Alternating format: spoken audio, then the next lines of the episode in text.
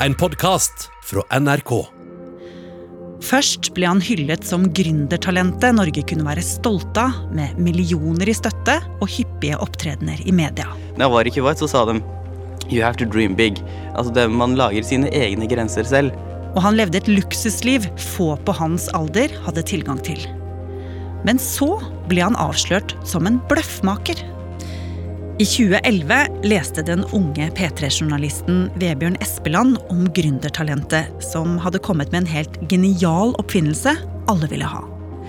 Deksler som kunne lade mobilen ved hjelp av solenergi. Folk var begeistra, og Vebjørn ville gjerne lage sak om han. Men han hadde ikke kommet langt i arbeidet før det viste seg at historien Valed serverte, var for god til å være sann.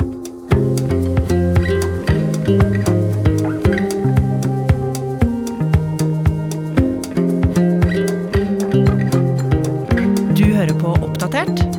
Jeg heter Ragna Nordenborg. I 2010, helt i starten av året, mener jeg det var at jeg eh, for første gang las om Valed, og det var i lokalavisa Varden, Telemarkavis. Vebjørn Espeland jobber i NRK og har laget radiodokumentar om svindeldømte Valed Ahmed. Uh, og der sto det en artikkel om uh, han og hans kompanjong Flemming Bordeaux, som uh, angivelig skulle da ha funnet opp en slags solcellelader til iPhone. Ja, Og hva slags produkt var det? Det var jo i utgangspunktet et genialt produkt, altså at du kunne lade opp telefonen ved å holde den ute i uh, sola. Og dette syntes jo du var såpass spennende at du begynte å samle inn mer informasjon om disse unge, lovende gründerne til en eventuelt fremtidig sak. Ja. Men så flytta jeg til Beirut og bodde der eh, beite, og så flytta jeg videre til Berlin. Og så tenkte jeg naturlig nok på andre ting enn eh, norske unge oppfinnere. Og så kom jeg tilbake igjen til eh, Norge, fant fram denne mappa jeg hadde, og der lå jo dette utprintet da, om Valed og Flemming. Så da tok jeg og googla disse gutta. Det var mye rart som dukka opp eh, på Google-søket da. Hva var det? Da var det altså at Innovasjon Norge hadde omtalt denne Valed som Norges Mark Zuckerberg, var et stort oppslag. Han hadde vunnet en æresmedalje eh, som eh, Fabian Stang hadde tredd over huet på han. Det var en Bollywood-film som kanskje skulle produseres om han. Eh, Og så var det da enorme kontrakter med teleselskap. ATNT, et av de største teleselskapene i USA. Det var Telenor, det var i Kuwait, det var rundt omkring i verden. Det var liksom ikke måte på.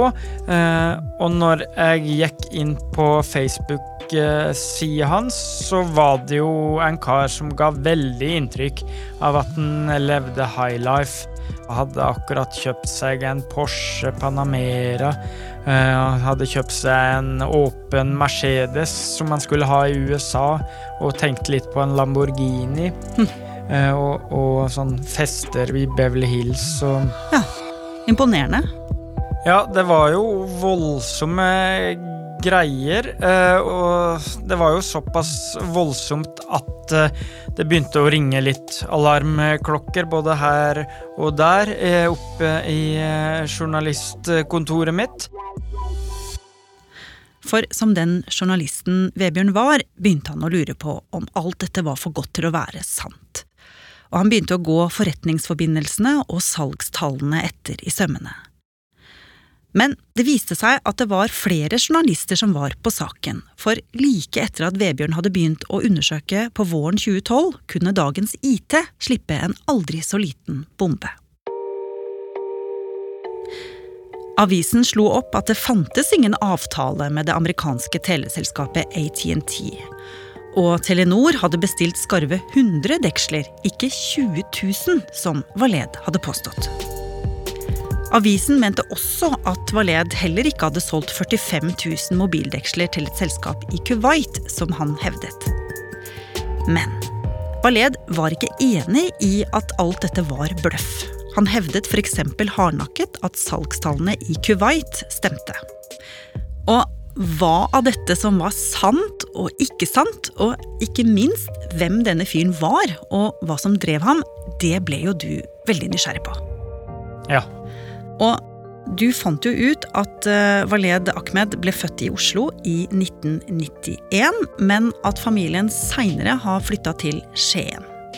Faren var lege, og Waled hadde en lillebror og to storebrødre. Men ingenting av dette ga jo svar på det du lurte på, så derfor bestemte du deg for å møte ham ansikt til ansikt. Men det var jo ikke bare bare, for nummeret var jo ikke å finne på nett. Men via en slektning så fikk du til slutt kontakt, og dere gjorde en avtale om å møtes via SMS. Ja. Og da var det litt fram og tilbake, og jeg husker jeg var veldig um, usikker på om uh, det kom til å bli noe intervju i det hele tatt, for jeg hadde jo uh, fått et inntrykk av en uh, kar med litt omtrentlig forhold til sannheten. Han hadde jo begynt å bli ganske hardt konfrontert av flere aviser og medier. Men så husker jeg det tikka inn nok en tekstmelding vi kan møtes på Grang klokka to, eller noe sånt noe. Og Grang, det er jo da en av de aller flotteste restaurantene i eh,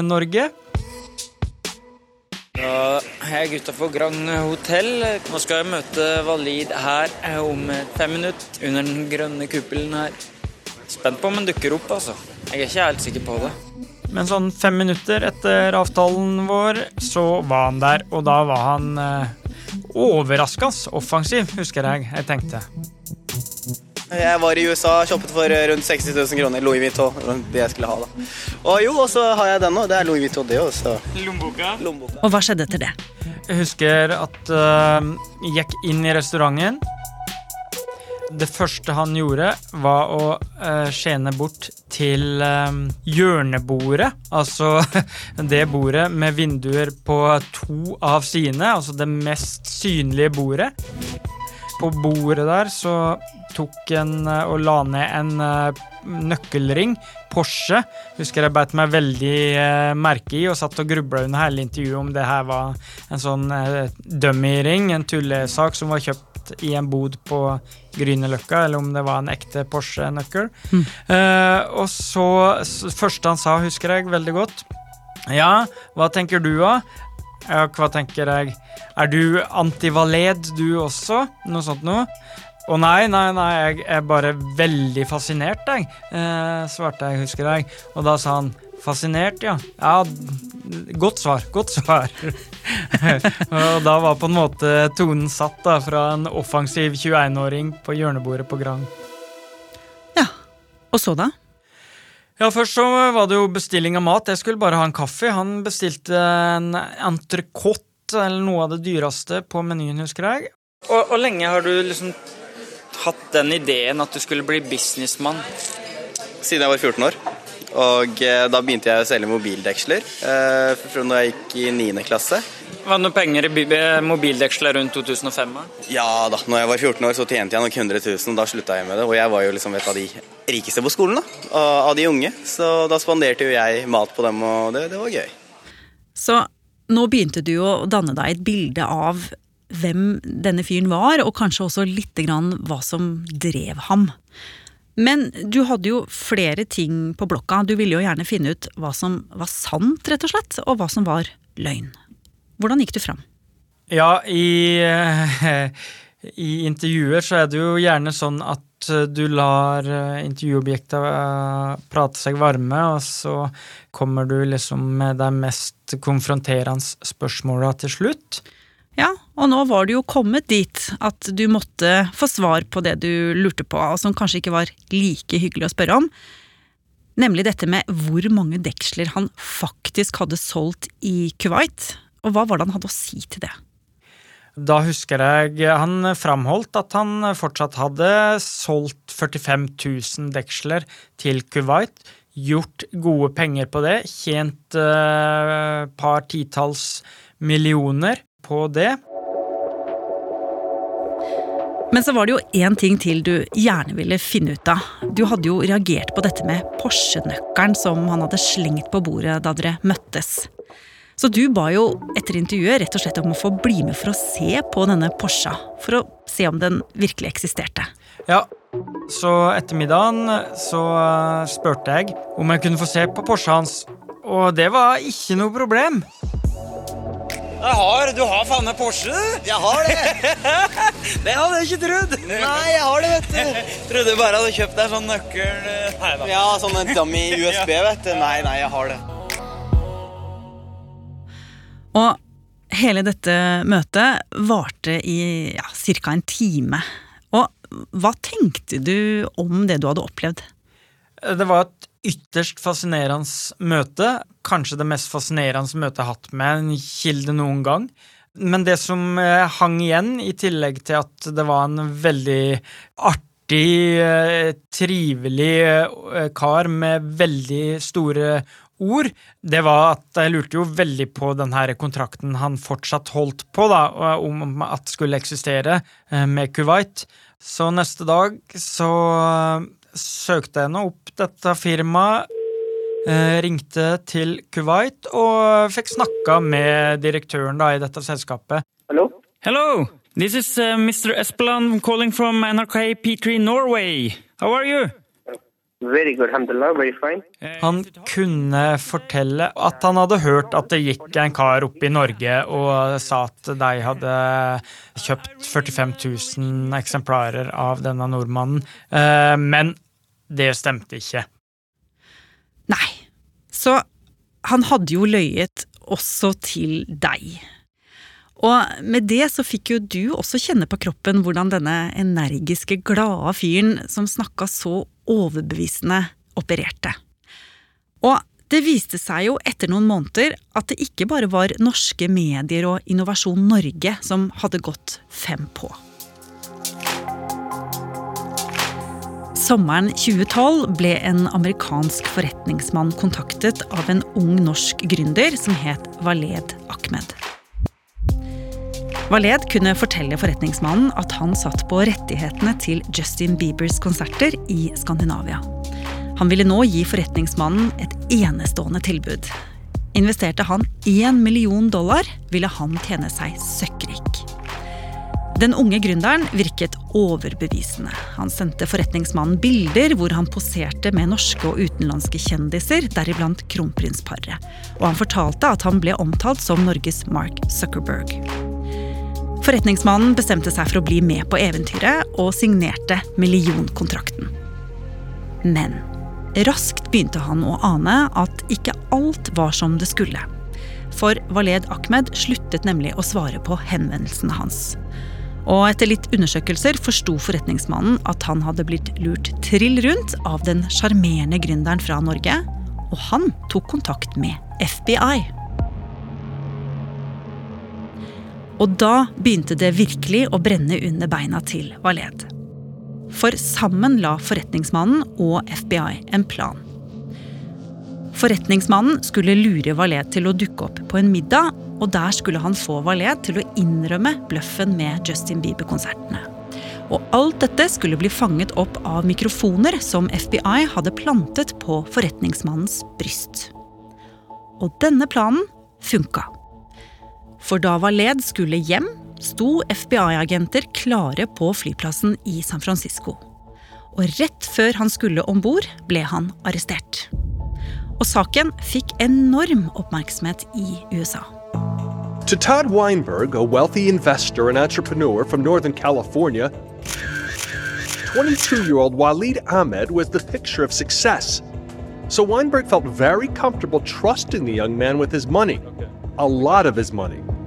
I think the Justin Bieber tickets have actually gone on sale and have sold out. And these were the tickets that you were preparing to sell. Absolutely. And we're thinking that's impossible. Valed Ahmed ble dømt til elleve års fengsel i USA. Men Vebjørn, du ville jo veldig gjerne holde kontakten med ham, fordi han rett og slett hadde gjort så stort inntrykk på deg. Og det var jo ikke så lett, for han satt jo i fengsel, men etter en stund så kom du faktisk i kontakt med ham igjen. Hva var det han sa da? Han sier at han angrer, øh, og han øh, sier ved gjentar stadig at han var ung og dum og naiv. Han har jo fått ni-ti år på å tenke seg om nå, eh, på det han har holdt på med.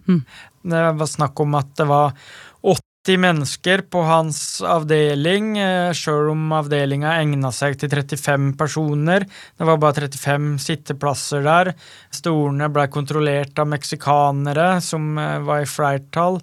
At eh, de sov i en åpen sal på metallkøyesenger, tett inntil hverandre, så tett at de kunne føle pusten til naboen. Det var jo ikke så trivelig under koronaen. I februar så slipper Valed Ahmed ut av fengselet. Og han har jo gitt uttrykk overfor deg at han har vært usikker på hva han skal drive med når han eh, kommer ut. Men det ser det jo nå ut som han har lagt en plan for. For på Valeds Facebook-profil så kan vi se under yrket at det står 'foredragsholder' nå. Hva tenker du om at han gjør denne historien til et eh, mulig levebrød? Eh, foredrag kan være en måte å tjene penger på. Samtidig så er det jo ikke noe som toner ned at folk eh, husker en som en svindler, at en reiser rundt og eh, predikerer som en svindler. Men jeg skal ikke gjøre meg til dommer over de valga der. Ok, Vebjørn. Historien om Valed den fortsetter å fascinere. Og i juni kommer dokumentarfilmen Stol på meg av Emil Trier. Og vi Oppdatert har fått kontakt med Valed, men han ønsker ikke å kommentere denne episoden. Men det er én ting jeg fortsatt sitter og lurer litt på. Fikk du noen gang svar på hvorfor han ble en svindler? Det var litt sånn snøballen som rulla, da. En uh, fyr som åpenbart hadde lyst til å bli uh, rik, slå seg opp, slå seg fram, bli berømt. Og så var det jo veldig enkelt i starten å lure norske medier, og bare du snakka stort nok, så blei du dratt fram av Trond Giske, blei kalt Mark Zuckerberg av Innovasjon Norge. Da er det kanskje lett for en 19-20-åring å bli revet med, dra det enda et hakk og begynne å svindle folk for penger. Og så funker det første gangen uten at du blir avslørt, og så gjør du det enda en gang, enda større. Virker som det er det som har vært eh, liksom gangen her, da.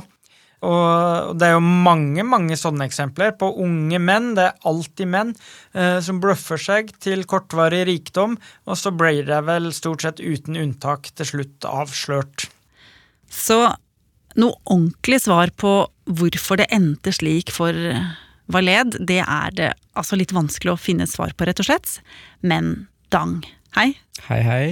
Du er produsent her i Oppdatert, og i researchen til denne episoden så fant jo du noe veldig interessant. Ja. For etter å ha gått gjennom eh, pressearkiv og NRKs eget arkiv, har jo jeg funnet over 150 saker om Waled, og har lest nesten alle. Og jeg la spesielt godt merke til en stor reportasje fra Aftenposten fra 2015, og der står det noe som kan eh, leses som et litt eh, urovekkende frampek til det som skulle bli Waleds forhold til sannheten. Hmm. Altså, Lenge før han endte i et eh, amerikansk fengsel, hadde han som 17-åring eh, brukt en kopimaskin og en skanner og forfalsket et inntaksbrev til Ski videregående skole. Han ville rett og slett jukse seg inn på skolen. Ja. Dette ble avslørt, og Waled ble dømt til betinget fengsel i 18 dager og fikk en bot på 6000 kroner. Og i dommen fra 2008 sto det Siktede angrer på det han har gjort, og forsikrer at det ikke vil gjenta seg.